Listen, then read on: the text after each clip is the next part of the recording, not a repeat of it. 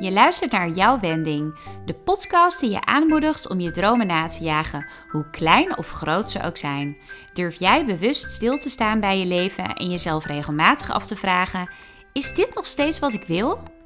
Ik ben Wendy van Wijngaarden en ik wil je inspireren met persoonlijke verhalen van mezelf en van andere vrouwen die bewust hebben gekozen om hun leven een andere wending te geven, ondanks de verwachtingen van de buitenwereld en hun eigen overtuigingen.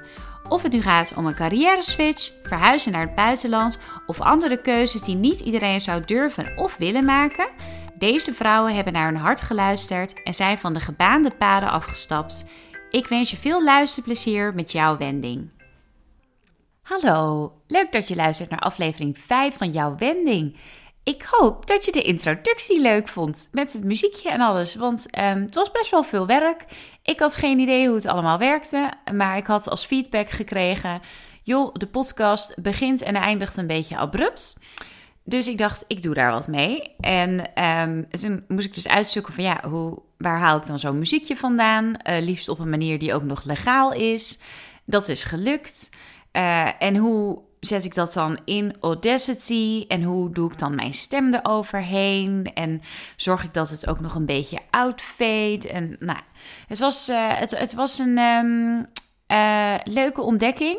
En ik ben best blij met het resultaat. Dus ik hoop dat je het een leuke start vond van deze podcastaflevering.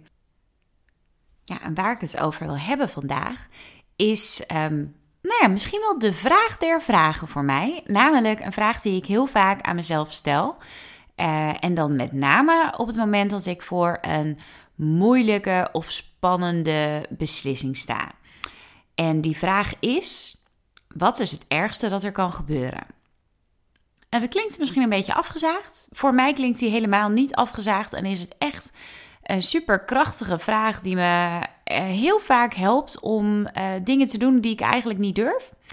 Want op het moment dat ik mezelf afvraag wat is het ergste dat er kan gebeuren, kom ik er bijna altijd achter dat er eigenlijk niet heel iets ergs kan gebeuren.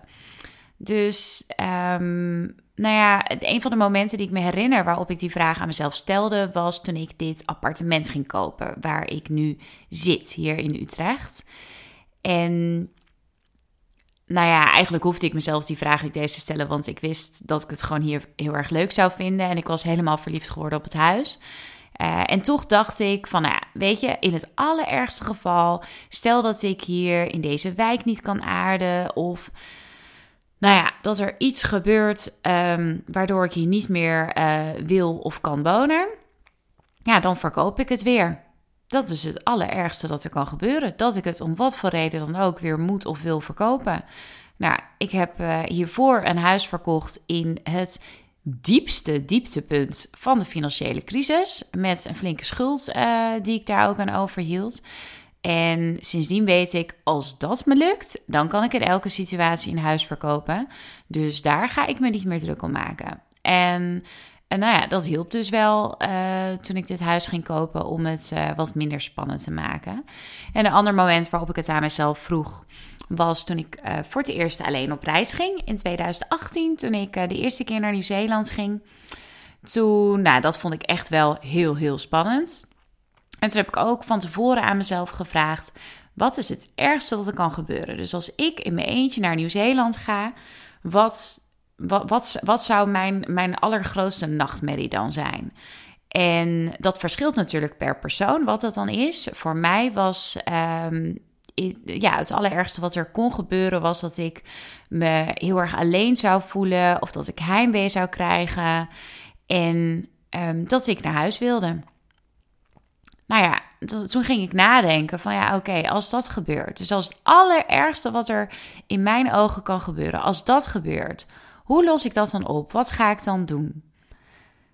Ja, en dat is eigenlijk niet zo heel moeilijk, want in het allerergste geval had ik altijd mijn ticket kunnen omboeken en eerder naar huis kunnen gaan. Wat ook nog scheelde toen ik in Nieuw-Zeeland was, uh, is dat ik ook familie heb wonen daar. Dus ik wist ook ehm, dat ik ook eerder, ik zou sowieso mijn vakantie afsluiten bij mijn familie een paar dagen. Maar ik wist ook dat ik eerder daar naartoe kon komen. Dus als ik me heel erg alleen zou voelen, dan ehm, kon ik ook, ja, bij wijze van spreken, al zou ik daar twee weken blijven, dan uh, was ik ook van harte welkom. Um, maar ik wist ook dat ik mijn ticket kon omboeken en gewoon naar huis kon gaan. En toen was die hele reis eigenlijk niet zo eng meer. Want ja, als het ergste wat er kan gebeuren, als je weet hoe je dat oplost, ja, wat, wat is er dan nog? Dan, dan is het gewoon niet zo spannend meer. En dat had ik ook bijvoorbeeld toen ik mijn baan ging opzeggen. Nou, dat vond ik. Ja, vond ik, ja, ik vond het. Nee, dat vond ik ook heel erg spannend. Ik weet niet of ik het zo spannend vond als alleen op reis gaan. Maar ik vond het ook wel echt heel erg spannend. Vooral omdat nou ja, ik ben alleen, ik heb een koophuis. En ongeacht of je nou een koophuis hebt of een huurhuis, uh, je hebt vaste lasten.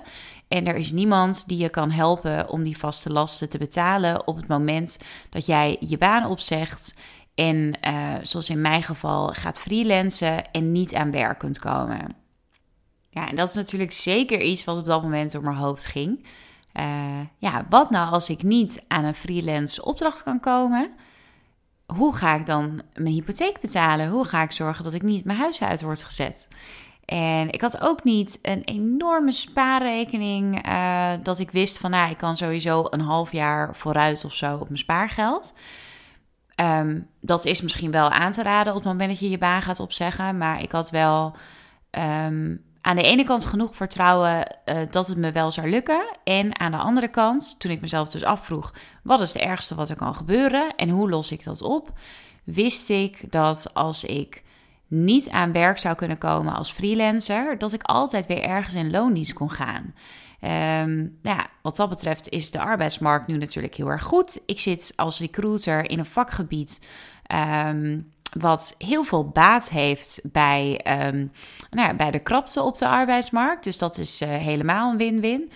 Dus ik wist dat als het niet zou lukken om aan een opdracht te komen, dan uh, kon ik het op een gegeven moment opgeven en kon ik gewoon weer solliciteren en ergens in dienst gaan. En zelfs al had ik niet als recruiter uh, ergens aan de slag gekund, dan had ik ongetwijfeld ergens anders, al was het in een winkel geweest of, um, nou ja, geen idee. In een ander bedrijf uh, had ik uh, echt wel ergens aan de slag gekund.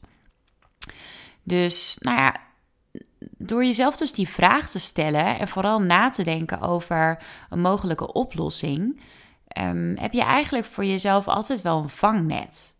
En nou ja, ik kan nog wel doorgaan met voorbeelden van momenten waarop ik die vraag aan mezelf heb gesteld, want ik stel hem dus echt wel vrij vaak. En het misschien is het ook wel omdat ik een heel erg optimist ben en dat ik dus ja, echte doemscenario's um, zie ik niet zo snel voor me. Maar ook als je die wel voor je ziet en je gaat jezelf afvragen: is dit nu echt realistisch dat dit gaat gebeuren? En als het voor je gevoel echt realistisch is dat het gaat gebeuren, hoe uh, zou je er dan mee om kunnen gaan? Dan kom je over het algemeen heel eind. Ik heb mezelf deze vraag trouwens ook gesteld uh, toen ik deze podcast ging maken, bedenk ik me nu. En wel meer dan één keer ook. Um, voor wie aflevering 1 niet heeft gehoord. Ik, ik heb, nou ja, ik denk acht maanden met het idee van deze podcast in mijn hoofd gezeten. Voordat ik daadwerkelijk de eerste aflevering opnam, omdat ik het zo eng vond. En toen heb ik mezelf dus ook afgevraagd: van ja, wat is het allerergste dat er kan gebeuren? Als ik een podcastaflevering opneem die vrij matig is, want ik heb het nog nooit gedaan. Dus ja, um, ik ben ook geen uh, expert. En ik zet dat online. En ik vertel dat aan mensen. Wat is dan het allerergste dat er kan gebeuren? Nou, ik kon toen twee dingen bedenken. En de ene um, het ene scenario was: niemand luistert. Dus ik zet een podcast online en er luistert helemaal niemand naar. En het andere scenario was: er luisteren wel mensen naar en ze haten het. Ja, als er niemand naar luistert, dan ik, ja, ik zou niet zo gauw weten hoe ik dat dan zou oplossen. misschien was ik dan wel weer meteen gestopt met de podcast. Dat, dat weet ik niet. Maar ja, hoe erg is het als je kijkt, zeg maar, naar het leven in zijn algeheelheid? Hoe erg is het als je een podcast uh, aflevering opneemt en je zet die online en niemand luistert ernaar? Ja, dan is er toch gewoon helemaal niks aan de hand. Behalve dan dat ik het wel jammer zou vinden natuurlijk. Maar mijn leven gaat gewoon door. Dus nou ja, dat, dat hielp al wel. Nou, dat andere scenario, dus dat mensen er wel naar zouden luisteren en het zouden haten, dat is ongetwijfeld ook de werkelijkheid voor sommige mensen. Alleen weet ik ook dat mensen het heel vaak niet tegen je zeggen als ze iets niet leuk vinden. En het vaak wel zeggen als ze iets wel leuk vinden. Dat is ook wat er nu gebeurt. En er zijn ongetwijfeld mensen die dit luisteren en die denken: waar luister ik naar? Ik haat dit. Ik ga dit nooit meer doen. Ik vind die hele Wendy stom. En dat is ook goed, want ik kan het niet iedereen naar de zin maken. En die paar mensen die ik het wel naar de zin maak en die me lieve berichtjes sturen, omdat ze iets opsteken, of tenminste opsteken, maar dat ze iets hebben aan deze podcast of dat ze er iets in herkennen. Dat zijn de mensen waarvoor ik het doe. En die mensen die het niet leuk vinden, ja, prima, dan luister je niet als je het niet leuk vindt. Dus, nou ja, toen had ik mijn worst case scenario's rondom de podcast had ik eigenlijk ook alweer opgelost. Ja, dus dat eigenlijk. Dus wat ik je zou willen meegeven is als je voor een keuze staat en je vindt het gewoon super lastig om die knoop door te hakken. Of het nou iets is rondom je werk of een grote uitgave voor iets. Of dat je bijvoorbeeld ook alleen een keer op vakantie wil gaan en het niet zo goed durft. Of nou ja, whatever je maar kunt bedenken. Stel jezelf de vraag: wat is het ergste dat er kan gebeuren? En voor mijn part pak je je dagboek erbij, of een schrift of een journal, of wat je er ook voor gebruikt. En, uh, en ga je het dus voor jezelf opschrijven. En echt waar, oh, mocht je nu een raar geluid horen, dat was Rossi. Die kan nooit zonder geluid te maken op de tafel springen. Um, en ga het gewoon eens opschrijven voor jezelf. Schrijf het allemaal uit, lees het door, lees het de volgende dag nog een keer. En mijn ervaring is op het moment dat ik dat doe, dat ik, zeker als ik het dan de dag daarna lees, dat ik echt denk: hè, waar heb ik me nou druk om gemaakt? Want het allerergste wat er kan gebeuren, dat gaat zo, het gaat sowieso niet gebeuren. dus um, ja, over het algemeen kom ik dan tot de conclusie dat ik me druk heb gemaakt om niks.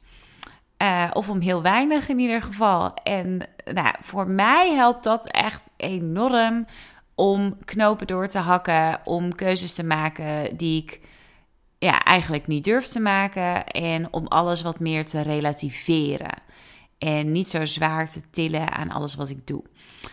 En dat lukt me heus niet altijd. Dus ik heb niet voor niks acht maanden erover gedaan voordat ik die eerste podcastaflevering opnam. En um, nou ja, zo zijn er wel meer keuzes waar ik best wel lang over heb gedaan uh, voordat ik ze uiteindelijk durfde te maken. Maar op het moment dat ik ze uiteindelijk maakte, was dat heel vaak mede dankzij die vraag: wat is het ergste dat er kan gebeuren? Dat was hem voor vandaag. Ik hoop dat je er wat aan hebt gehad. En ik zou het leuk vinden als je me dat laat weten. Of als je andere feedback hebt, zou ik ook leuk vinden. Dat kan het beste via Instagram, wendyvwijngaarden. Ik ben ook um, een website uh, aan het maken waarin ik ja, eigenlijk deze podcast wil ik ook in een soort blogvorm daarop zetten. En dan wil ik er ook een mogelijkheid maken dat je wat makkelijker kunt reageren, ook voor mensen die niet op Instagram zitten. Maar voor nu is Instagram uh, de manier. En nou ja, ik zou het super leuk vinden om iets van je te horen. En ik wil je in ieder geval heel erg bedanken dat je de moeite hebt genomen om te luisteren naar deze podcast. En ik hoop dat je er de volgende keer weer bij bent.